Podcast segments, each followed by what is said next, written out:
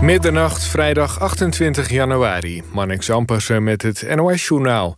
PVV-leider Wilders en minister Gus van Justitie en Veiligheid... hebben naar eigen zeggen een goed en prettig gesprek gehad... over een tweet van Wilders.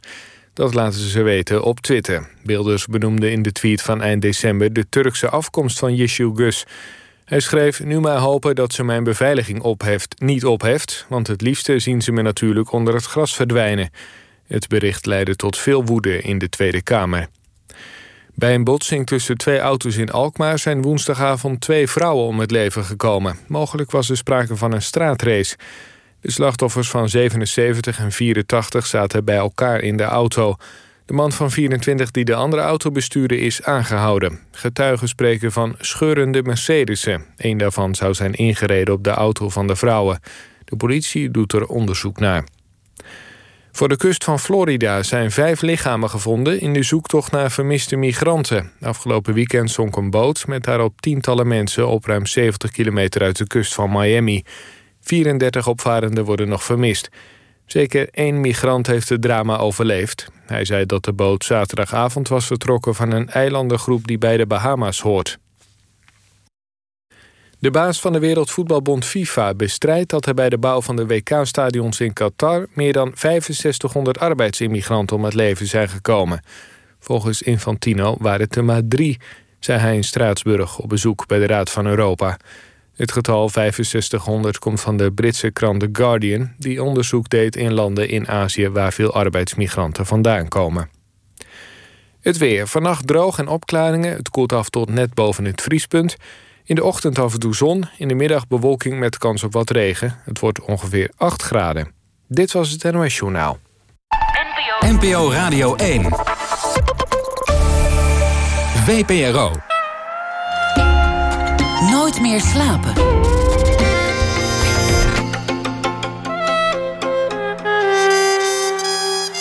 Met Pieter van der Wielen. Goedenacht en welkom bij Nooit meer slapen. Mijn gast komend uur won meerdere keren een gouden kalf. Hij won een Louis d'Or, won ook een Arlecchino. Kreeg uit handen van Pierre Bokma de Steenbergen Award, won een tv-beeld en is sinds deze week officieel de slimste mens van Nederland. Ooit zal er een plantsoen naar hem vernoemd worden. Het Jacob Derwig plantsoen. En daarna een straat. En misschien, zoals dat in Amsterdam kan, meerdere straten. Dan groeien kinderen op op de vierde Jacob Derwig dwarsstraat 175 3 hoog. En dat is natuurlijk ontzettend mooi. Zolang die kinderen maar opgroeien in een liefdevolle en veilige omgeving. De verschrikkelijke jaren 80 van Tim Kams was een grappig, deels autobiografisch boek over opgroeien in een woongroep in de jaren 80. Kams en Kim van Koten hebben er een tv-bewerking van gemaakt. Een serie met een topcast. Onder meer Bianca Krijgsman, Erik van Sauers, Maria Kraakman en Jacob Derwig. Die schittert als Bert, de enige man in de woongroep... die alle vrouwen en alle kinderen terroriseert. Leuk, omdat je soms bijna zou vergeten dat Jacob Derwig ook zo ontzettend komisch kan spelen. Vaak wordt hij uh, voor criminelen gecast of voor wat meer zware rollen. Jacob Derweg zit tegenover mij, geboren in 1969. Acteur voor film, theater en televisie. Bekend van onder meer Klem, bankier van het Verzet, recent Busa... en ook maker van prachtige toneelbewerkingen... van vaak Amerikaanse romans, zoals Revolutionary Road. Jacob, welkom. Wat leuk dat je er, uh, dat je er bent. Wat een intro. Ja. Ja. De slimste mens. Is, is, wat, wat maakt dat eigenlijk los als je dat dan ineens bent? Wat, wat, uh, wat gebeurt er dan? Um, nou, meer dan bij wat ik ooit heb gemaakt. Omdat veel meer mensen dat zien en weten. En me dus feliciteren. En mensen die ik tegenkom op straat. Alle buren. Uh, de vrienden van mijn kinderen. De, de, iedereen uh, leeft heel erg mee. En dat is hartstikke leuk. Je was ook wel, wel overdovend goed. het was eigenlijk niet te geloven. Het was jaloersmakend. Nou, ik speelde tegenover Frank Heijnen en Martin Visser... die ook wel afschuwelijk veel wisten. Misschien, misschien wist Frank eigenlijk wel meer dan ik. Maar op de goede momenten wist ik net dat ene woord of net dat ene puzzeltje. En uh, heb ik het gered. Je, je, zei, ik ben ook wel blij dat ik, dat ik heb gewonnen, want dan zien mensen dat acteurs misschien wel meer kunnen dan alleen heel veel tekst onthouden. Ja, ik heb uh, toen een dankwoord gedaan. En uh, let wel, dit namen we op eind november. Toen gingen we net weer een lockdown in. En toen hadden we dus een periode gehad waarbij de theaters wel open waren. Uh, maar het publiek ging nog niet. En uh, publiek hebben we nu zo nodig, maar uh, het is een beetje in de war, denk ik. Oudere mensen durven nog niet. Jongere mensen weten nog niet: is het nou wel of niet open? Voor hoeveel mensen dan? En kan ik nou wel of niet kaartjes kopen? Dus het publiek moet de gang naar het theater weer gaan vinden. en ik, ik wilde heel graag aan het publiek vragen: help ons in 2022 door gewoon weer kaartjes te gaan kopen. Kaartjes kopen op zich is ook natuurlijk iets, iets een beetje wankels geworden. Ik heb, ik heb zoveel kaartjes voor zoveel voorstellingen liggen en concerten en andere happenings waarvan ik eigenlijk niet weet: gaat het nou nog door? Is het uitgesteld? Naar wanneer dan? Ja, nou, die onzekerheid die helpt natuurlijk niemand. En je wil eigenlijk dat er nu ja, stom woord, perspectief komt. Zodat theaters weten waar ze aan toe zijn. Wat kan ik voor wanneer inzetten? Wanneer kan ik mensen boeken? Uh, voor hoeveel mensen dan? Want heeft het dan wel zin? Uh, draaien we meer dan kiet? En dan help je het publiek ook een handje. Nu weet het publiek gewoon eigenlijk nog te weinig. En, en kopen ze dus dat kaartje niet. Het is een gruwelijke tijd geweest voor de cultuursector. Maar, maar dat, ik neem aan dat mensen dat wel weten. Dus, dus misschien hoeven we dat niet heel uitgebreid te bespreken. Hoe heb jij het overleefd? Um, nou, wat er eerst gebeurde was dat de twee grote projecten niet doorgingen. Waarvan één de verschrikkelijke jaren tachtig, dat werd gelukkig verplaatst. Maar het andere was een speelfilm, een Nederlandse speelfilm... die voor een uh, heel groot deel in Amerika gefilmd zou worden... waar ik me ontzettend op verheugde.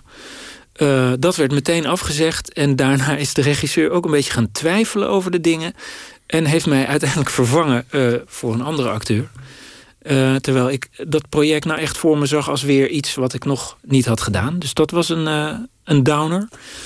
Uh, er werd meteen een tournee afgezegd die we hebben verplaatst naar eind 2021, waar die ook weer niet doorging. Ehm, dus toneel had het vooral moeilijk. Uh, en gelukkig heeft de film- en televisiesector heel snel geschakeld door een protocol te ontwerpen waarmee we wel veilig konden filmen. Dus godzijdank kon ik Buza draaien en uiteindelijk ook de verschrikkelijke jaren tachtig. Je wekt altijd de indruk kalm en collected te zijn. Als zoiets gebeurt, een project gaat niet door of een regisseur slaat aan het twijfelen. Ja. Slecht nieuwsgesprek van uh, Jacob, ik heb, ik heb een, beetje, een beetje droevige mededeling. Ja. We gaan het toch met iemand anders doen, ik voel het niet. Ja, toen was ik niet kalm en collected. Hoe loop je dan door het huis? Ziedend. Ziedend? Ja, ik, was, ik echt, ben zo verschrikkelijk boos geworden. Uh, collected ergens ook wel, omdat ik ook meteen vier argumenten kon benoemen en op een rijtje zetten. Uh, waarmee ik de regisseur weer compareren en zei: eh, zus en zo en dit en dat. Maar uh, dat mag dan niet baten. Want alleen woede heb je ook niks aan en dan ben je alleen maar verder van huis. Maar ik was echt wel heel kwaad, ja. Gebeurt dat vaker? Ik, ik, ik ken dat eigenlijk niet. Dat mensen nee. gaande een productie worden vervangen. Heel soms. Maar uh, ja, mag ik mezelf een beetje op de borst slaan. Ik had dit helemaal niet zien aankomen. Want ik dacht, ja, uh, ik heb auditie gedaan, meerdere rondes. Uh, tegenspel gegeven aan uh, mensen met wie ik zou moeten spelen. Dus de regisseur heeft zijn vertrouwen in mij uitgesproken. Andersom ook. Ik heb ook mijn vertrouwen in die regisseur uitgesproken. die pas één film heeft gemaakt. Dus dan denk je, oké, we gaan dit doen. weet wie je hebt, want ik sta ook een beetje voor kwaliteit. Als ik iets maak, Wordt het goed? Nou, ga ik in ieder geval tot het gaatje om het echt goed te maken. En ik zag ook echt mogelijkheden om dit echt goed te maken. Maar zijn twijfel is natuurlijk ook uh, legitiem. Maar uh, ja, ik was wel echt. Uh, ja, het gebeurt niet vaak, nee. Lijkt me, lijkt me frustrerend. Ik, ik ken alleen het verhaal van Back to the Future. Waar ja. Michael J. Fox pas in tweede instantie de acteur werd. En het eigenlijk voor een groot deel al gedraaid was met iemand anders. En er is één scène dat, dat hij in die DeLorean stapt. Dat je even kan zien aan de houding dat het hem niet is. Dat het die oude acteur nog is. Hebben ze dat stukje nog gebruikt? Ja, ja. En daar is zelfs geloof ik een, een, rechtszaak over gevoerd. Of in ieder geval met een rechtszaak ge, gedreigd. Ja. Van ja, dat ben ik. Kijk maar naar die bodywarmer, hoe die valt. Ja, maar nu kijken wij naar die film en denken... ja, Michael J. Fox, die moest dat natuurlijk ook zijn. Wie had het anders kunnen doen? Ja. En de en naam van die ander, ze, die schiet me niet te binnen. Dus daar ga je al. Nee, inderdaad. Nou, daar ga je al. Maar ik wil dus niet dat deze film daar in de bioscoop komt... waar ik niet in speel, dat, en de dat mensen, mensen zeggen... zullen zeggen, maar ja, die derweg, dat, dat, dat, die had dit nooit kunnen doen. Dat zou pas echt... De, jij zegt, als ik iets doe, dan, dan, dan, dan ga ik er wel vanuit dat het goed wordt. Of is in ieder geval de, de inzet. Ja. Nou ja. Je bent ook wel, wel selectief met wat je doet. Ja. Dat, dat is een positie waarin je moet verkeren. Er zijn natuurlijk ook acteurs die, die gewoon hopen dat de telefoon gaat. Ja. Die bijna gedwongen zijn om ja te zeggen, ook al weten ze niet of het wel helemaal leuk wordt? Nee, dat is uitermate luxe. Maar voor die positie heb ik natuurlijk ook gewoon heel hard gewerkt. Ik heb heel erg veel gedaan. En op verschillende sporen tegelijk uh, uh, heel hard gewerkt. Ik heb een collectief gehad, 14 jaar lang. Dus heel lang mijn eigen uh, voorstellingen gemaakt met een groep gelijkgezinden.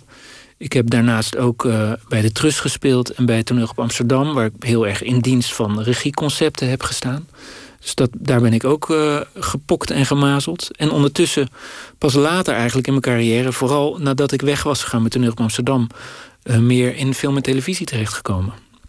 Dat is eigenlijk een soort, soort tweede carrière ge geworden, of een, of een soort vlucht aan je carrière geworden. Ja, nou toen ik begon, dat is meer dan 25 jaar geleden, toen werd er ook niet zoveel film en televisie gemaakt. Dus er wordt nu meer gedaan waar ik ook terecht in kan komen. Um, maar mijn motto is sowieso: als je iets doet, moet je het goed doen. En ik vind het ook prima om bijvoorbeeld een rol bij een auditie niet te krijgen als ik voel, ja, maar die ben ik ook niet echt. Of die man voel ik ook niet helemaal.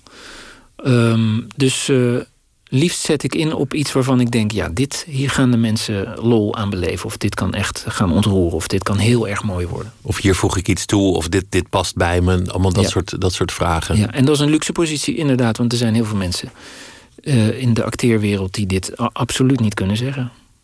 Dat kon je niet weten toen je, toen je opzij bij uh, wat toen nog toneelgroep Amsterdam heette. Nee, klopt. Dat, dat leek toen eigenlijk een, een stap terug. Toen je zei, nou jongens, ik, ik Ja. ga andere dingen doen.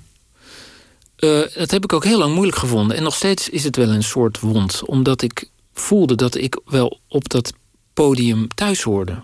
Ik vond het ook heerlijk om op, in die grote zaal te spelen. Wat ik met mijn collectief, het Barreland, niet deed. Heb ik bij Amsterdam wel gedaan. Grote zalen, grote plekken, zelfs buitenland. Maar het gesprek over vooral uh, de agenda en inspraak in de dingen die ik daar deed en wanneer ik die deed.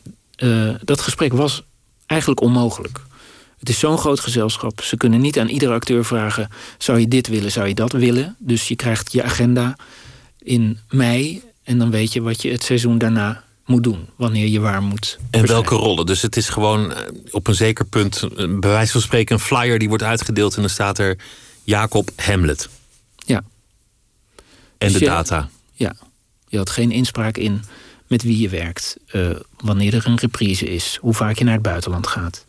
Uh, um, met wat voor regisseur, met wat voor soort rol. En uh, ja, ik was al over de veertig en ik dacht... wacht even, het is toch mijn leven? Daar heb ik toch iets over te zeggen. Maar ik dacht wel, waarom kan dat niet samen? Waarom kan ik niet een soort inspraak bedingen en meepraten over de dingen? Ik bemoei me ook graag met iets meer dan alleen mijn rol.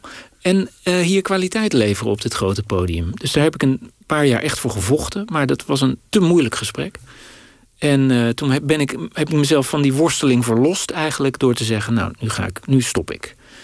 Uh, niet wetende wat er daarna zou gaan gebeuren. Dus dat was heel eng om dat te doen? Ja, er was wel een filmproject toen waar ik de hoofdrol had gekregen. Het diner, waarvan ik dacht, ja, dat is een rol die zie ik mezelf nu gewoon doen. En als ik nu niet wegga, dan gaat dat niet lukken. Dan mag dat niet. Maar ik wil het te graag. En uh, godzijdank uh, was de eerste die met me wilde koffie drinken toen ik weg was... Uh, Erik Wien, de toneelregisseur... met wie ik nu drie voorstellingen heb gemaakt. En die heeft eigenlijk de deur opengezet naar een, een andere praktijk. Namelijk mij een rol aanbieden en tegelijk zeggen... wie zullen we daar nog eens meer bij vragen? Of hoe vaak je, per week wil je dit spelen? Dat je eigenlijk ook maker bent geworden of initiator van, van voorstellingen. Ja, want uh, wat we daarna hebben gemaakt was Revolutionary Road. En dat was mijn eigen idee. Om een bewerking te maken van de roman van Richard Yates. En het tegelijkertijd in te spelen. En dat Erik het ging regisseren. Dus zo kunnen we elkaar uh, projecten aanbieden. En uh, kijken hoe, in hoeverre we daarin in samen kunnen werken. Maar dat gaat echt samen. Hoe was dat in die tijd? Want je zei, ik heb heel hard gewerkt... dat je, dat je, dat je toch enorm productie aan het draaien was. Ja. Bij TGA. En heel veel aan het reizen was. En, en gewoon dat, dat schema moest gehoorzamen. Wat, wat gebeurt er dan met je als het, als het net niet goed zit... wat je aan het doen bent? Ja, dat, dat is mijn, beetje mijn zwakke plek. Als ik heel hard werk en ik had ook net kleine kinderen... mijn vrouw werd ernstig ziek. Die heeft... Uh, Uh, twee operaties moeten ondergaan. Ondertussen hadden we net een babytje gekregen. Mijn zoon was net vier. En ik moest ondertussen bijvoorbeeld een voorstelling spelen naar Damascus. Een ondoenlijk moeilijk stuk van Strindberg. Ik speelde de hoofdrol en het werd geregisseerd door Pierre Audi, de vermaarde operaregisseur. Die het eigenlijk te druk had, want hij moest een opera reprise in Hamburg redden. Dus hij was eigenlijk de helft van de tijd niet in het repetitielokaal. Ik was er, Carina Smulders, mijn tegenspeelster, en Matthias Mooi, de regieassistent. En daar zaten we een beetje naar elkaar te kijken en te denken: ja, we moeten wel iets, iets maken van deze scène. Dus ik kon, ik kon het niet, de gedachte dat, dat ik daar voor niks was, dat ik tijd aan het verspillen was, die gedachte kon ik niet verdragen, omdat ik eigenlijk ergens anders gewenst was. Omdat dat je tijd zo schaars was. Ja. Dus daarom ben ik alleen maar harder gaan werken om zoiets dan wel goed te maken. En toch kwaliteit te maken. Omdat ik het niet kon verdragen dat het uh, uh, een waardeloze voorstelling zou worden. En die tijd dus voor niks zou zijn. Kun je je voorstellen? Ging dat ook gepaard met, met schuldgevoel? Schuldgevoel dat je daar een klein beetje je tijd aan het verlummelen was. Ongewild, terwijl je elders heel erg nodig was? Ik dacht vooral, ik, uh, I can make this work. Ik kan en thuis zijn en regelen dat er oppas is als, als het moet. En toch die voorstelling spelen. Maar dat ging echt met uh, de tong op mijn schoenen. Maar als je dan iets, als je dan een, een lulstukje staat te maken waar je niemand in de zaal een plezier mee doet, dat, dat, uh, dus daar heb ik vooral gevoeld, tijd is schaars. Mijn tijd is kostbaar. En daar is vooral het idee ontstaan, ik, ik moet kieskeurig zijn. Dat is, dat is een vorm van jezelf serieus nemen. Dat je zegt, mijn tijd is kostbaar. Dat hardop uitspreken, dat, dat, dat is eigenlijk dat je, dat je gewoon een prijs geeft aan je eigen leven.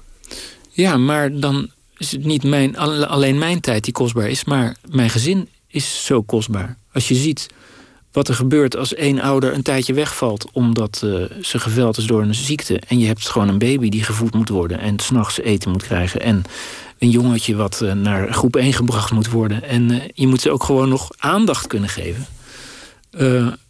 dat, bleek veel belangrijker te zijn. Dus ja, die, mijn tijd was kostbaar en nog steeds. Want kinderen zullen later niet denken: goh, misschien zullen ze dat ook wel denken. Goh, mijn vader had een Louis door. Maar in de eerste plaats zullen ze denken: was hij er eigenlijk wel eens? Was het wel een lieve vader? Ja. Nou, dat zullen ze nu zeker denken. En ze denken nu ook: wauw, mijn vader is de slimste mens geworden. Dat vinden ze natuurlijk ook heel tof. Dat kan je echt op een schoolplein zeggen. je kan echt op een schoolplein aankomen en zeggen: ja.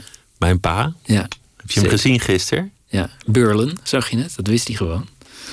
Ja. Zullen we het hebben over de serie? Want, ja. want het, het, is, het is echt wel heel leuk geworden. Ik had. Het, ik had het boek al gelezen van Tim Kams. Ja. Het, het gaat erover, het, het, is geïnspireerd op zijn eigen jeugd, maar niet letterlijk zijn eigen jeugd. Het is niet een, een autobiografie of zo. Het is een roman, maar het gaat over opgroeien in een woongroep in de jaren tachtig. soort van een lesbische woongroep, maar er is één man. En die man is ook wel deel van het probleem. En jij mag die man spelen. Ja. En ik, ik ben zo blij om jou weer eens in een komische rol te zien, want je zou soms bijna vergeten dat je best wel gestaalde rollen hebt gespeeld recentelijk. Ja. Dat, dat dat komische je echt wel heel goed afgaat. Het is echt heel grappig namelijk. Ja, daar ben ik dus heel blij mee dat uh, het mij gegeven is om mijn, mijn palet, zoals het heet, uh, een beetje breed te houden. Dat ik niet alleen hetzelfde sta te doen. Uh, iedere rol weer. Ik heb natuurlijk wat politici nu gedaan in Buza en in De Zitting, waar ik ook super trots op ben. Marius Milner als de crimineel in Klem is natuurlijk ook al uh, een rol die ik nu al drie seizoenen heb gedaan.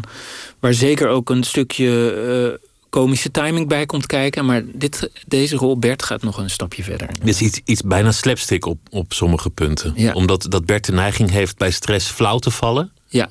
En is, daar is, wordt het bijna Laurel Hardy af en toe. Ja, ja.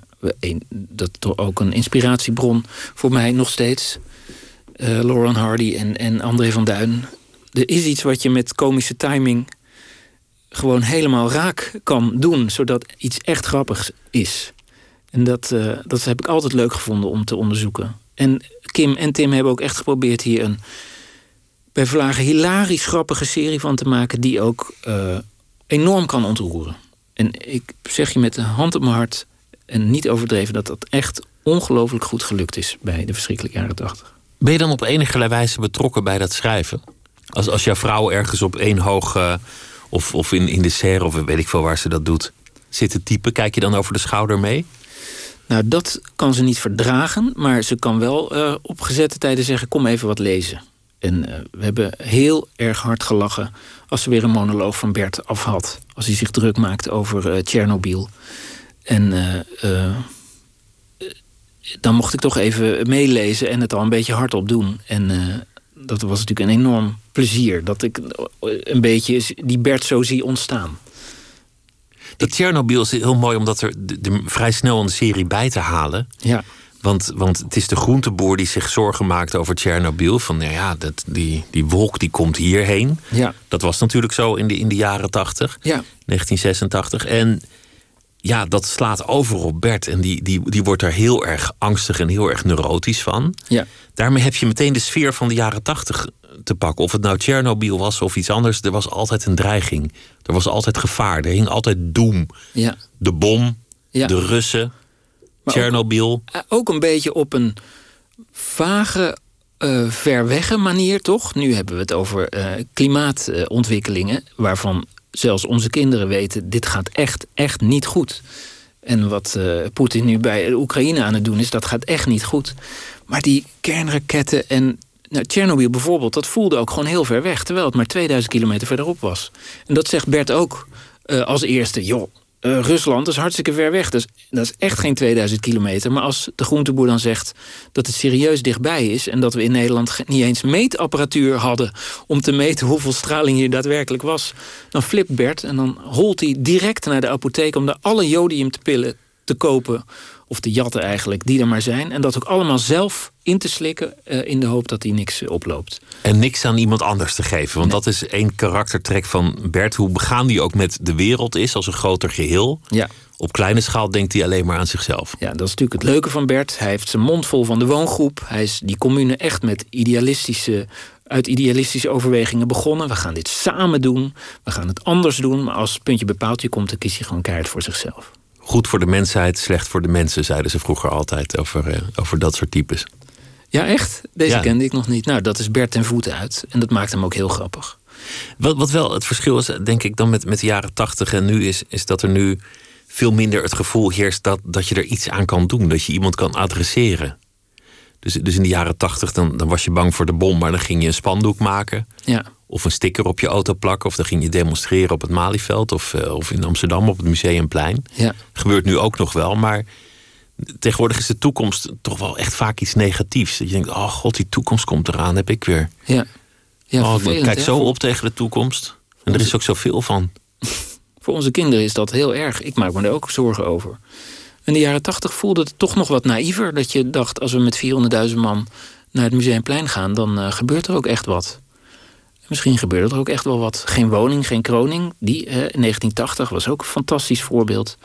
Dat de koningin uh, Beatrix gekroond werd, toch? Die werd koningin. En tegelijkertijd dachten al die krakers... dan maken wij dan meteen onze, onze demonstratie van op die dag. Ja, wat precies het verband tussen de kroning en de woning was... behalve dat het rijmde, is me nooit echt duidelijk geworden. nou, maar ze kwamen toch angstaanjagend dicht bij die kerk. Nou, en of, ja. Ja, absoluut. In die zin waren de jaren tachtig dus naïver, zullen we maar zeggen. Maar het heet niet voor niets de verschrikkelijke jaren tachtig... want we deden ook maar wat in dat naïeve. Zo'n woongroep, dat was een fantastisch idee. En er zijn vast woongroepen geweest die het goed hebben aangepakt. Maar er werd ook weinig over doorgedacht. En uiteindelijk, zeker in onze woongroep... Uh, zegt de man op een gegeven moment... Ik, ik, ik, ik ben hier de baas vanaf nu. Dus dat hele uh, groepsidee laat hij varen... omdat hij denkt, ik weet het beter. Persoonlijke ambities krijgen de voorrang. Hij stuurt alle andere mannen die in die woongroep wonen naar huis. En hij blijft over met vier vrouwen. Dus we deden, we deden maar wat in die tijd. Jeugdzorg is ook een aflevering die zich afspeelt bij jeugdzorg. Omdat de kinderen van de woongroep eh, op een gegeven moment uit huis worden gezet. Die mensen deden maar wat. Wat ook weer een lijntje is naar nu jeugdzorg. Nu uh, staat, is, staat er ook niet helemaal scherp op. Maar, uh, maar nu zijn ze vaak juist overactief of, of juist helemaal niet actief. Maar dat ze dan kinderen ja. uit huis plaatsen als er eigenlijk behalve geldzorg niet zoveel aan de hand is. Ja, nee, maar toen had je bijvoorbeeld uh, mensen die hulp verlenen bij jeugdzorg... die dan een poppenkast neerzetten en via een poppenspel probeerden... Uh, door te dringen tot de ziel van het kind. Of incest aan te tonen. Dat Precies, was, dat als ja. ze zeiden, herken je dit? En dat was dan heel veel schaamhaar. En als het kindje dan zei, ja, dat heb ik wel eens gezien... dan, dan hadden ze al lont geroken. Precies. We deden maar wat. We deden maar wat, ja. Er was ook een crash, kun je dat nog herinneren? De crash, K-R-E-S-J. Dat was ook een initiatief van ouders zelf. Die hadden bedacht, we laten die kinderen gewoon hun gang gaan. Veel beter. Niet regeltjes, niet een juf die zegt ho, ho, ho, en dit en dat. En uiteindelijk stonden die kinderen gewoon hun eigen stront op de muren te smeren, bijvoorbeeld. Of een naam met een vingertje met stront zo op de muur te schrijven. Ja. Ja, en iedereen die daaraan terugdenkt van die tijd denkt, oh ja, ze met een bepaalde liefde en, en weemoed, maar ook met een bepaalde haat natuurlijk. Omdat je denkt, hoe, hoe kon het dat we dat soort dingen deden? En dat is een beetje het gevoel wat Tim ook heeft gehad toen hij uh, uh, dit boek wilde schrijven. En ook wat Kim meteen herkende uh, toen ze het boek las en dacht: hier moet een, hier moet een serie van komen. Wat, wat, wat mooi is aan het boek en mooi is aan de serie, is dat al dat grote idealisme over de wereld, niet meedoen met het systeem en het zelf allemaal uitvinden, voor die kinderen niks betekent. Die, die kennen de overheid niet, die kennen het systeem niet, die willen gewoon lieve ouders. Ja. En die willen niet door een groep of een collectief met heel veel kaas worden opgevoed. Nee. In de woongroep wordt ook gezegd: uh, de kinderen zijn van iedereen. Dus er zijn vier moeders, één vader. Maar een kind wil niet van iedereen zijn. Een kind wil gewoon van zijn moeder zijn of van haar moeder. Dat is veel belangrijker. Als kind wil je gezien worden. Je wil in ieder geval dat een kind ziet dat je, dat je een tekening hebt gemaakt. Of dat je uh, de schoolslag onder de knie krijgt bij, bij, bij zwemmen. En in die woongroep, en misschien deden we dat vroeger sowieso veel meer, waren ouders veel meer met zichzelf bezig. Dat was natuurlijk na de jaren zestig. Er kon eigenlijk best wel meer dan je dacht. Seksuele vrijheid. In de jaren zeventig drong dat ook door tot, tot de, de buitenwijken, zullen we maar zeggen. En kinderen waren daar toch een beetje de dupe van. Nu zijn we misschien weer een beetje doorgeslagen. Dat kinderen wel heel erg in de watten worden gelegd. De curling-ouder is natuurlijk niet voor niets een begrip geworden. We zijn als ouders misschien nu weer veel meer met onze kinderen bezig dan hoeft. Dat een kind één tekening maakt en de ouders denken dat Picasso hergeboren is. Dat is weer een ander uiterste inderdaad, maar we zien ze wel. En uh, het trieste van deze woongroep, uh, ik vind dat super mooi verbeeld. Het, het, meisje wat de hoofdrol speelt, Rosa van Leeuwen, doet dat prachtig. Je ziet in, in haar ogen voortdurend een soort eenzaamheid waar ze niet aan kan toegeven, omdat ze zelfs niet eens herkent dat ze eenzaam is, omdat ze dat ook nog niet begrijpt. Ze begrijpt alleen, uh, ik ben hier geloof ik alleen, en, maar misschien hoort dat wel zo. En wij denken, nee liefje, dat hoort helemaal niet. Er is gelukkig ook één goed persoon, een, een zonder meer uh, een held in het verhaal. En dat is de, de man van de kindertelefoon, ook zijn uitvinding van de jaren tachtig. Ja formidabel gespeeld door Erik van Sauwers. Nou, ik vond het ontzettend leuk om hem in, in die rol te zien. Ja. En ja, dat wordt een heel centraal figuur in het, in het verhaal. Ja. En die introduceert eigenlijk de normaliteit ja. In de levens van die kinderen en, en heel veel andere dingen. Ja. Het luisterende oor, bijvoorbeeld. Ja. ja. En die gaat zich heel veel zorgen maken om Piet, uh, de hoofdrol, dat meisje. Wat ook weer allerlei consequenties heeft natuurlijk. Maar da daarom is het zo leuk om die hele serie te gaan kijken. Maar die kindertelefoon zat niet in het boek en het was een idee van Tim. En Kim heeft dat meteen omarmd, omdat dat gesprek wat het meisje Piet kan voeren met de kindertelefoon ook een leidende voice-over wordt, waardoor we naar die woongroep kunnen kijken door haar ogen.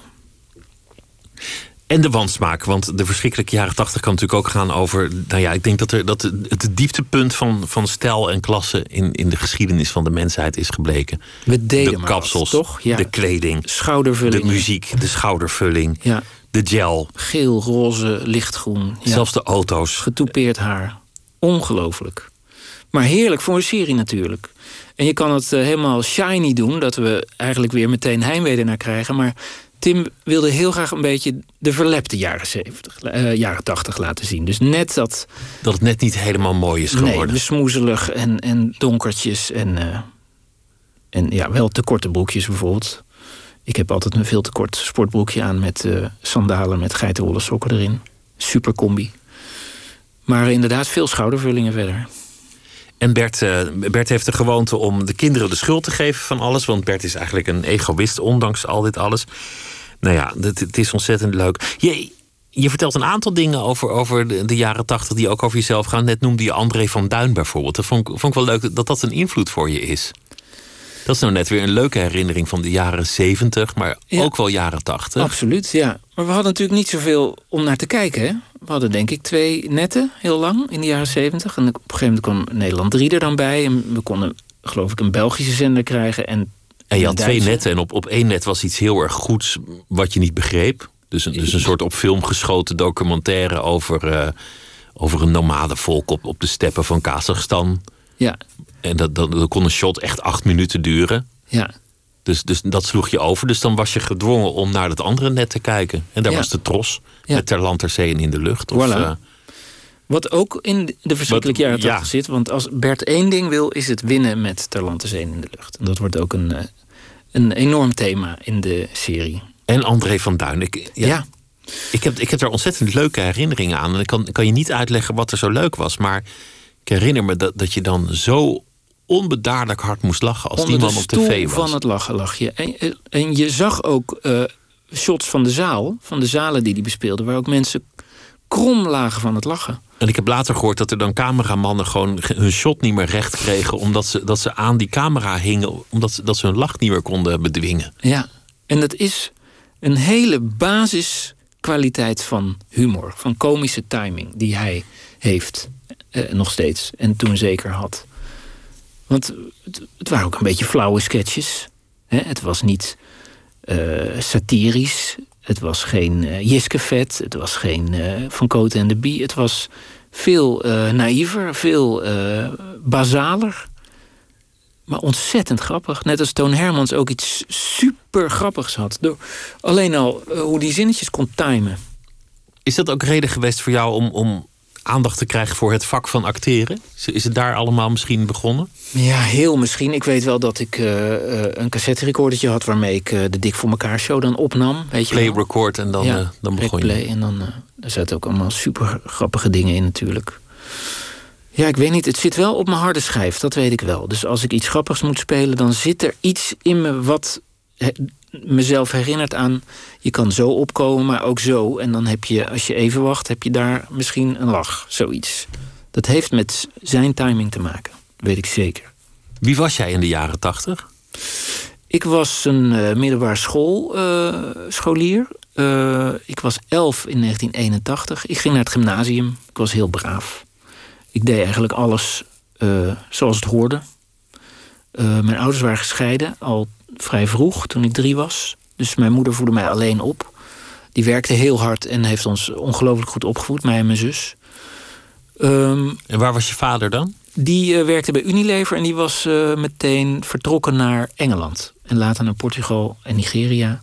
Want Unilever is een bedrijf dat jou eh, kan ver- verplaatsen naar het buitenland. En dat waren voor hem natuurlijk grote carrièrekansen. Dus hij is heel hoog gekomen in dat bedrijf. Maar je hebt hem niet veel gezien al die jaren. Nee, eh, laat ik vooropstellen, we hebben nu een heel goed contact. Maar eh, nee, inderdaad, toen hij wegging besloot hij min of meer onbewust, denk ik... oké, nu ga ik deze twee kinderen die ik net op de wereld heb gezet... voorlopig eh, drie keer per jaar zien, maximaal. Was je daar boos over? Nee, want wat een kind dan doet, is dat meteen aannemen en zich daarmee verzoenen. Wat wel een soort fenomeen is wat vaker voorkomt. eh, en dat speelde zeker bij mij. Ik heb altijd aan mijn vader laten zien. Dat is prima. Dat jij daar zit en ik hier. En ik heb altijd aan mijn moeder laten zien. Je, je hoeft je over mij geen zorgen te maken. Want eh, ik doe gewoon alles zoals het hoort. Ik haal mijn gymnasium in zes jaar. Want jij hebt het al druk genoeg. Dus. Ehm, waardoor ik eigenlijk de puberteit een beetje heb overgeslagen. En pas veel later ben gaan nadenken over...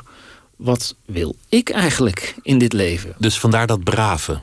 Ja, dat denk ik. Dat is een beetje mijn, eh, mijn uitleg. En dat, dat laten zien, dat klinkt bijna als een acteur die iets neerzet. Dat, dat je iets laat zien. Nee, het is niet echt laten zien, want dat doe je onbewust. Maar dat is een, eh, een, een stapje terug doen. En minder, eh, minder voor jezelf misschien opkomen. In ieder geval minder een innerlijke, noem ik het altijd, een innerlijk vuur eh, ontwikkeld hebben. Waar ik later wel eens tegenaan ben gelopen. Maar waarom ik bijvoorbeeld heel prettig in een collectief werk. Omdat ik daar niet alles in mijn eentje hoef te bedenken, maar altijd mensen om me heen had met wie ik samen iets kon. Dus dan, dan kan je jezelf naar de achtergrond verplaatsen. En dat vind je dan ook wel prettig. Een soort Ja. bescheiden rol eigenlijk innemen. Het is een soort bescheidenheid die ik daar eh, aan overgehouden heb, denk ik. Het zorgde in ieder geval voor dat ik nog niet naar de toneelschool durfde toen ik 17 was. Eerst theaterwetenschap ben gaan studeren en na drie jaar pas echt auditie durfde doen voor Arnhem. En pas, toen was ik inmiddels dus 20, 21. Toen pas dacht, oh, dit ga ik doen in mijn leven. Maar je wist al die tijd eigenlijk al dat je dat wilde? Nee, daar durfde ik nog niet serieus over na te denken. Ik deed eigenlijk maar een beetje wat de bedoeling was. Waarvan ik dacht, zo hoort het een beetje. Je, je maakt je gymnasium af, dan ga je studeren aan de universiteit. En uh, dan zie je wel waar je komt. Dus het was absoluut nog geen ambitie. Het was geen uh, toekomstbeeld. Waar ik nu, jongeren van nu, vaak veel meer mee bezig zie al. Van, we hebben maar vier jaar tijd om, om te studeren. Wat ga ik kiezen? Ik moet wel meteen het goede doen. Ja, ik kan misschien een tussenjaar, maar dan moet ik wel... Ik had zes jaar om te studeren. Ik begon theaterwetenschap. En ik dacht, nou, ik zie, wel, ik zie het wel. We deden maar wat. Ook daar. Maar je had met die houding ook best wel kunnen eindigen op het hoofdkantoor van Unilever en rookworsten tellen. Dat ja, behalve dat, dat ik totaal geen economisch talent heb. Dus het moest wel ergens in de, in de kunsten, denk ik. Iets met literatuurwetenschap of iets theaterwetenschap. Dus iets, iets uh, ja, waarvan ik eigenlijk niet zo goed wist wat ik er ooit mee had kunnen worden. Dus godzijdank bleek ik acteertalent te hebben. En zei iemand op een goed moment tegen me... nu moet je auditie gaan doen. En daar ging ik in Arnhem en, uh, en daar werd ik aangenomen. Hoe wist je dat? Hoe is dat ooit aan het licht gekomen dat je daar iets mee had en dat je daar goed in zou kunnen zijn? Uh, omdat theaterwetenschap naast studeren ook ontzettend veel uh, praktijk had. Dus je maakte filmpjes, je speelde in voorstellingen, je produceerde dingetjes. En uh, um, daar heb ik ook mijn toneelvrienden leren kennen, met wie, een deel in ieder geval, met wie ik later het Barreland heb opgericht. Dus ze zijn daar eigenlijk al in de praktijk begonnen. Hoe, hoe kon het dat je, dat je zo'n interesse had voor theater en voor cultuur en, en voor lezen en al die dingen? Ja, ik ben op een goed moment gaan lezen, eigenlijk voor mijn literatuurlijst. En dat bleek ik heel leuk te vinden. En eh, mijn moeder nam me vaak mee naar toneel. Dus we hebben de appel gezien. En ik heb in Dordrecht, waar ik opgroeide, ook wel andere voorstellingen gezien die ik leuk vond. En daar gebeurde wel iets wat ik echt heel interessant vond. Maar ik heb toen nooit meteen de link gelegd, ik moet ook het toneel op. Dat kwam echt pas gaandeweg. Maar kennelijk wilde ik dat ook pas doen als ik wist dat het goed werd. Speelde je al? Zat je, zat je bij een toneelvereniging of een clubje? Of had je, had je les daarin of dat soort dingen? Nee, allemaal niet. Nee, dat gebeurde Helemaal niks. pas bij theaterwetenschap. Dat we, dat we daar een beetje aan de slag gingen. Beetje autodidact. En toen op een echte toneelschool... waar ik het vak pas echt ben gaan leren. Hoe vond je dat om daar aan te komen? Want, want, dan kom je, want, je, want je noemt je eigen bescheidenheid. Ja. Je noemt ook als jongeman je eigen saaiheid. Je, je verlangen om op te gaan in het geheel. Nou, nou ken ik veel acteurs die, die hebben hele andere eigenschappen. Die, die daar niet zo ontzettend op lijken. Ja. Die houden van het licht, van de voorgrond. Ja. Kloppen zichzelf op de borst. Roffelen op hun eigen schouder. Ja. Laten hun prijzenkast zien. Ik kan Duwen hun mobieltje in hun neus met hun, hun topscène. Ik kan het je niet vertellen. En misschien moet ik wel een beetje meer van die kwaliteit hebben om weer nog weer verder te komen. Bijvoorbeeld uh, naar het buitenland, waar je ook een carrière kan beginnen. Maar uh, ik ben eigenlijk wel blij met die bescheidenheid. Het blijft me meer eh, bij de les houden en zorgt ervoor dat ik me meer focus op wat ben ik hier eigenlijk aan het maken en hoe krijg ik dat goed. In plaats van bijvoorbeeld al te denken: uh, ik kan het al. Of uh, ben er wel. Ik ben er wel. Ja. In zekere zin is het ook een heel bescheiden vak, want je moet altijd dienend zijn aan je personage. Ja. Dienend aan het stuk. Ja, en dienend aan een idee van een regisseur of aan een collectief idee. Ja. Dus het gaat nooit om mij. Toch lukt het je altijd wel om, om, om de hele grote dingen van het leven te spelen. De, de hele gemene rollen, of de, de hele diepgevoelde rouw, of de, de intense woede, of de, de, totaal ontplofte machteloze liefde. Ja. Ik denk dat dat echt iets is wat ieder acteur zou moeten kunnen als je de goede luikjes maar vindt. En uh, daar was de toneelschool gewoon heel erg goed voor. Om je dat te leren? Ja, toen ik daar aankwam, kon ik dat echt niet. Ik kon wel heel leuke scènes spelen en grappig doen. Maar ik wist nog niet waar de essentie van spelen over ging. Namelijk iets van jouw ziel in, in de ziel van een personage stoppen. Dus uh, dat heb ik daar echt moeten leren, ja. Hoe werkt dat? Wat, wat is zo'n luikje? Hoe, hoe, gaat dat? Ik snap er niks van. Vertel eens, wat, wat, wat doe je dan? Heb je even? Ja. Ja, dat is natuurlijk super moeilijk. Je moet iets van je persoonlijke emoties in een personage leggen. Maar het is ook weer geen therapie. Ik, ik eh, verdwijn niet in mijn personage. Ik ben voortdurend aan het werk. Uh, ik, ik weet niet. Ik kan, het is natuurlijk niet uit te leggen. Daar heb ik ook via toneel voor gehad. En als ik het je nu in twee zinnen kon uitleggen, dan zou je het ook kunnen. Ik probeer altijd, uh, als ik uh, opkom, uh, te voelen dat die mensen er zijn om meegenomen te worden. Dus ik probeer ze letterlijk, nou nee, niet letterlijk, figuurlijk te omarmen en te zeggen: loop maar even met mij mee. Denk maar met mij mee. Voel maar met mij mee. Dus iets van de emoties die ik voel of de gedachten die ik heb, probeer ik daadwerkelijk daar te denken. Ik, ik, ik, denk veel op het toneel. Ik ben, probeer de gedachten van het personage zo letterlijk mogelijk uh, te, te, te hebben in mijn hoofd. Zodat ze inzichtelijk worden. En, op de, als, oh, en, en, en dat geldt ook voor emoties. Dat je, dat je ze voelbaar maakt. Ga je dan op zoek naar, naar dingen die je zelf hebt ervaren... kanten van je eigen karakter... waar je dat wel eventueel in zou kunnen vinden? Dat is sowieso wat je moet doen. Want het zijn mijn stemmingen en mijn emoties die ik daarin moet stoppen. Het is niet zo method, uh, als jij misschien bedoelt. Dat ik aan een. Aan. Dat je in een trailer zit en zegt: niemand mag me storen, want ik moet zo op en ik ben nu een seriemoordenaar. Pas op, want ik vlieg je aan.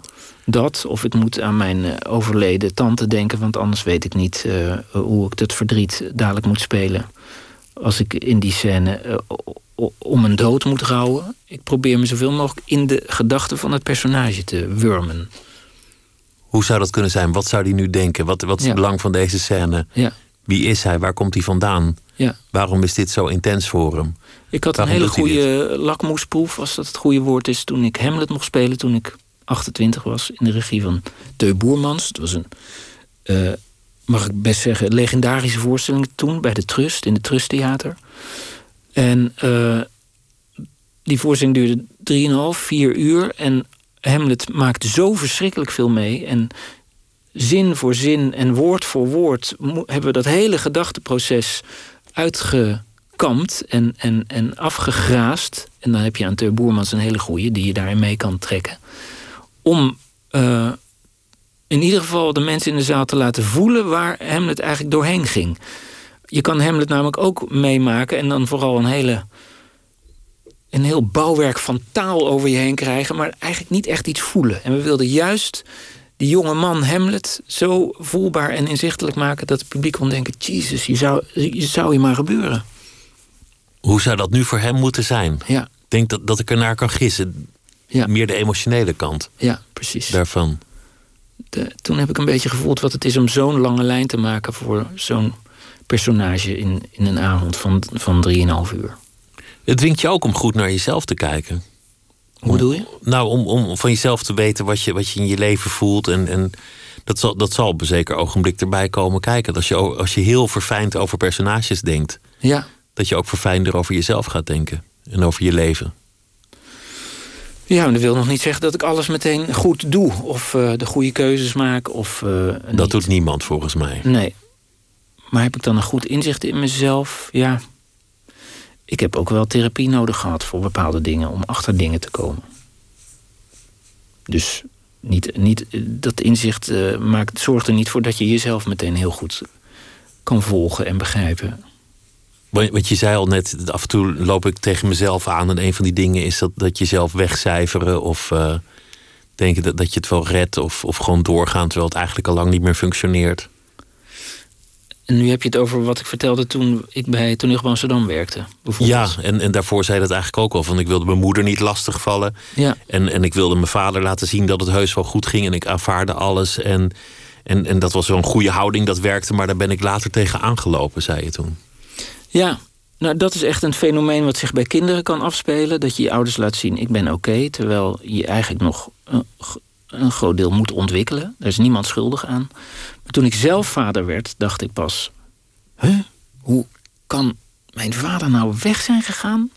Toen ik drie was, naar het buitenland. Ik heb nu ook een zoontje van drie. Dan ga ik toch niet beslissen... ik zie jou maar drie keer per jaar. Dus het is, ik heb het vaker verteld. Uh, en ik, het is allemaal weer goed met mijn vader. Maar daar, toen ben ik pas echt heel boos geworden op mijn vader. Dus dan bouw je toch een soort puberale woede op... die er dan pas uitkwam. En toen was ik inmiddels 36. Omdat je inmiddels zelf wist wat vaderschap voor jou betekende. Toen dacht Ja. je, ik zou dat nu niet kunnen. Ja. Dacht je daar ook aan als je dan... Welk land zei je ook alweer? Azerbeidzjan, waar, waar jullie dan eh, een, een opvoering hadden? Met, met, eh, met eh, TGA? Nee, dat stuk heette, naar, wat was heette naar Damascus. Dat is een stuk van Strindberg. Maar we speelden overal in de wereld. We speelden in Melbourne, in, in Bochum, in New York, in Santiago in Chili. Wat en heel leuk was, maar ook en heel ver weg.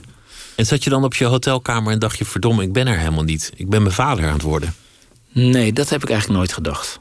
Nee, nee ik, ik heb het zo anders aangepakt. En eh, dat, dat zou ook zeggen dat mijn vader alleen maar slecht is of slechte dingen heeft gedaan. Maar die stap om bij je kinderen weg te gaan, eh, oké, maar dan naar het buitenland vertrekken, dat heb ik een moeilijke stap gevonden.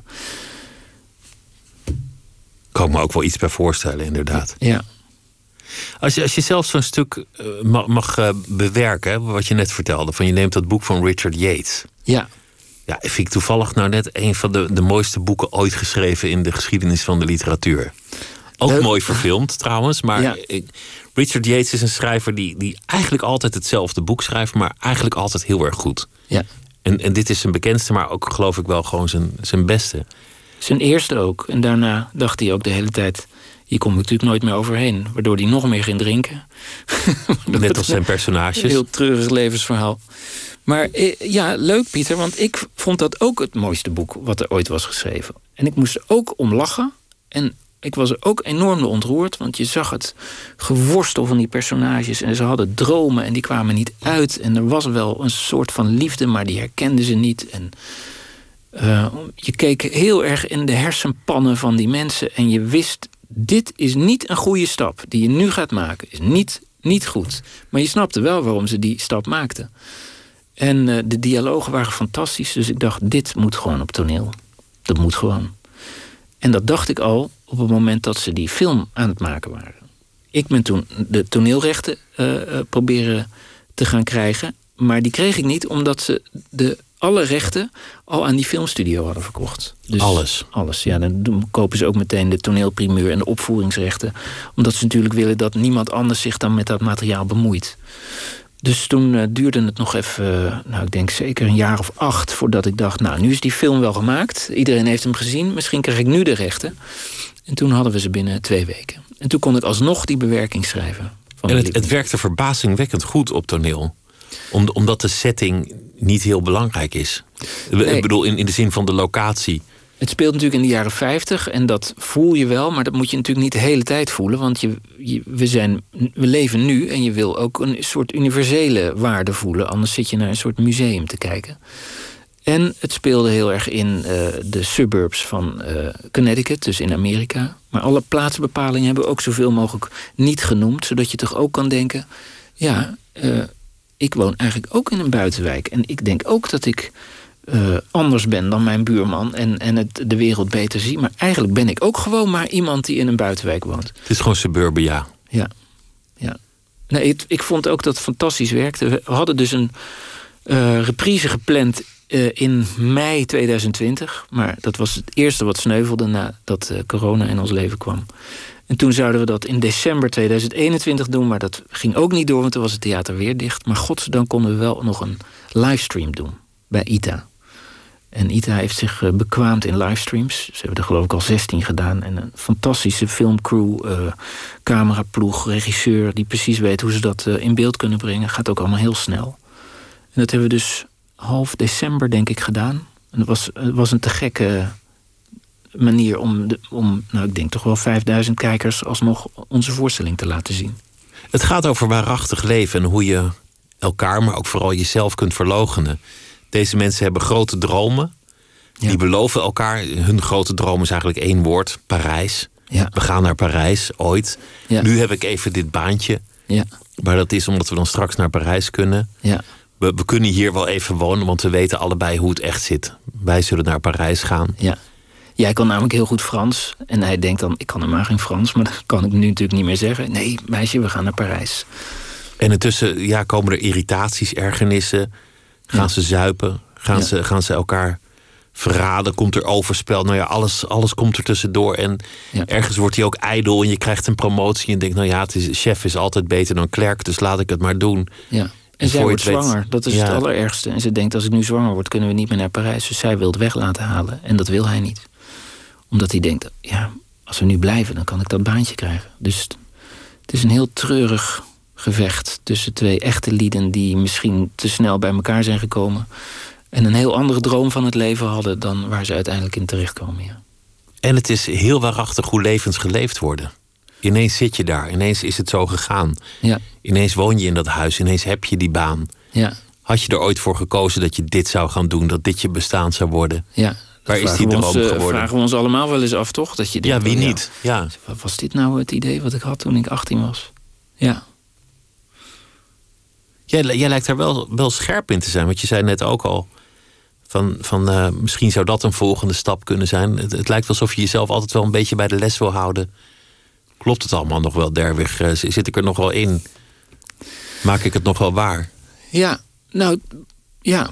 Ik ben natuurlijk nu helemaal verantwoordelijk voor mijn eigen carrière-invulling. Als je vast bij een gezelschap zit, dan krijg je gewoon drie rollen per jaar. En dat is dan wat je doet. En eh, sinds ik eh, freelance moet ik natuurlijk zelf de dingen kiezen. En godzijdank kan ik kiezen en worden me dingen aangeboden. En ehm, we maken hier steeds betere series en films. Eh Klem en Verschrikkelijk Jaar 80 is daar zeker een super voorbeeld van. Maar ik dacht ook op een gegeven moment... eh, je kan ook maar een goede auditie doen voor een buitenlands project... en ineens heb je een rol in een BBC-serie... of in een, in, een, eh, in een Zweedse co-productie, weet ik veel. En er zijn natuurlijk mensen bij wie dat fantastisch lukt... zoals Barry Atsma een heel goed voorbeeld is. Die heeft gewoon een meesterlijke carrière in Duitsland. Die kan daar kiezen uit de scripts en heeft prijzen gewonnen. En doet ook wel rolletjes in Engelse producties. En je kan zelfs helemaal naar Amerika gaan, zoals de, eh, Katja Herbers en Michiel Huisman. Maar ik wist al, dat, dat ga ik nooit redden.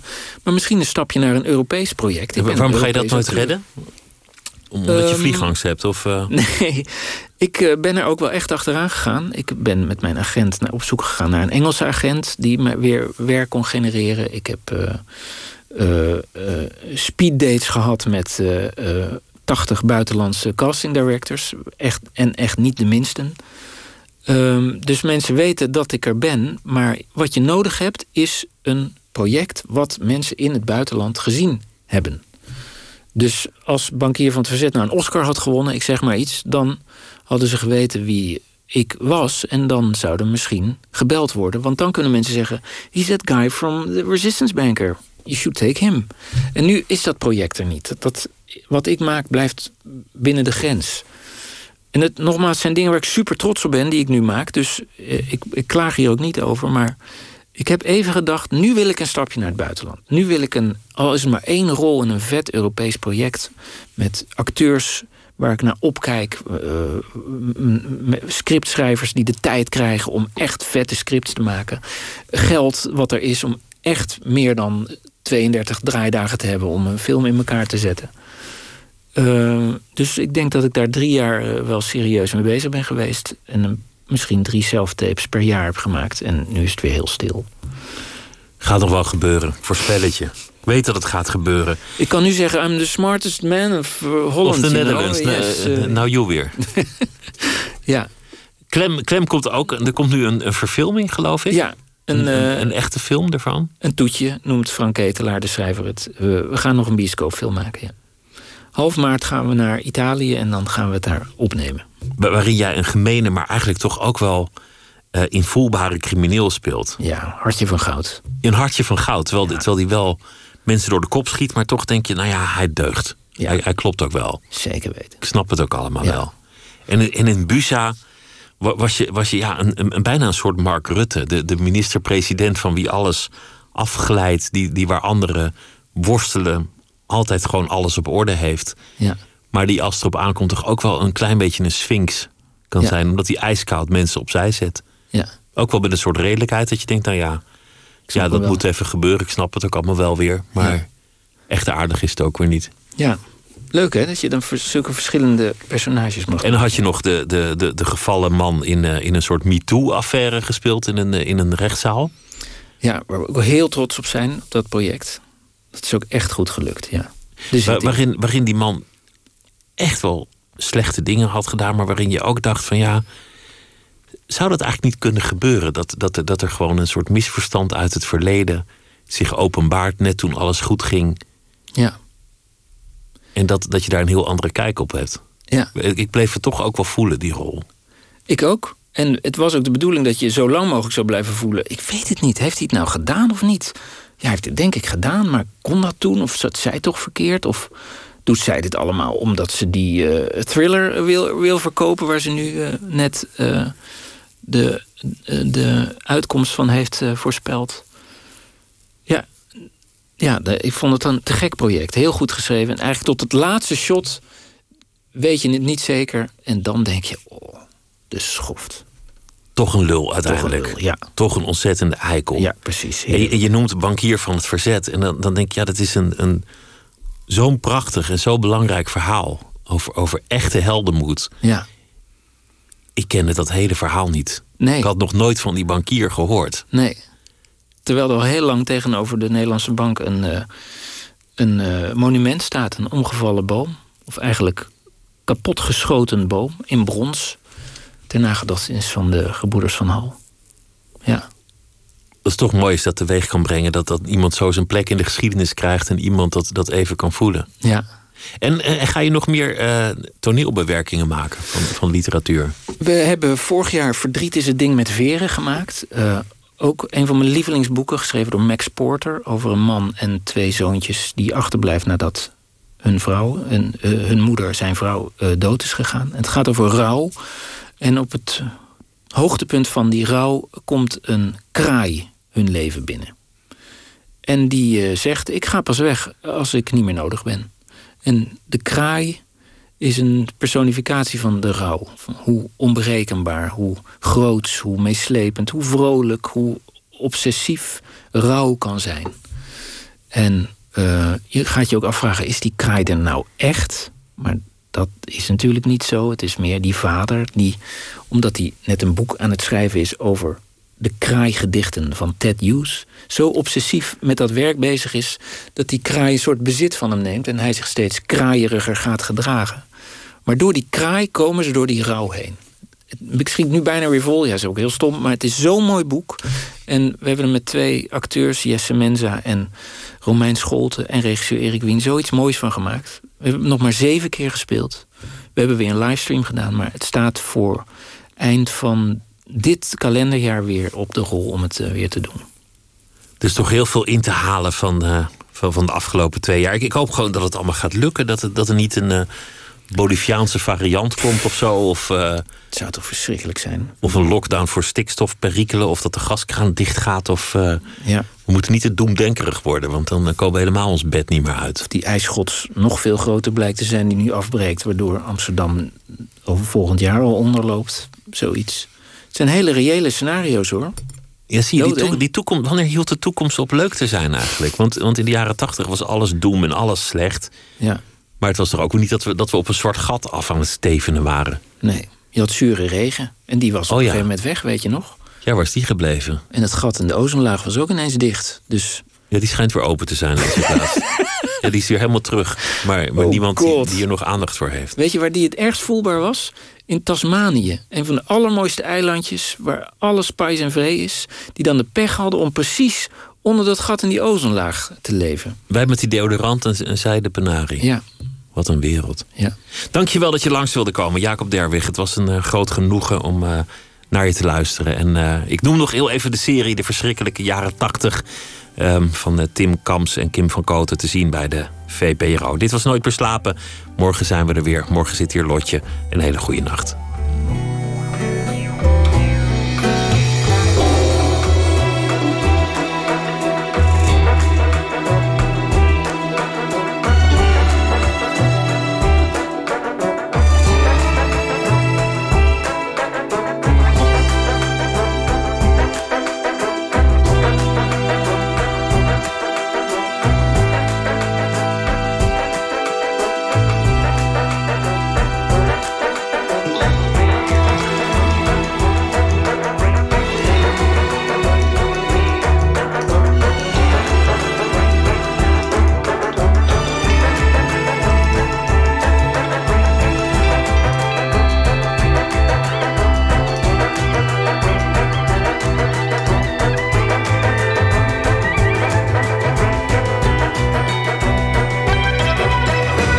NPO Radio 1. Wie luistert, weet meer.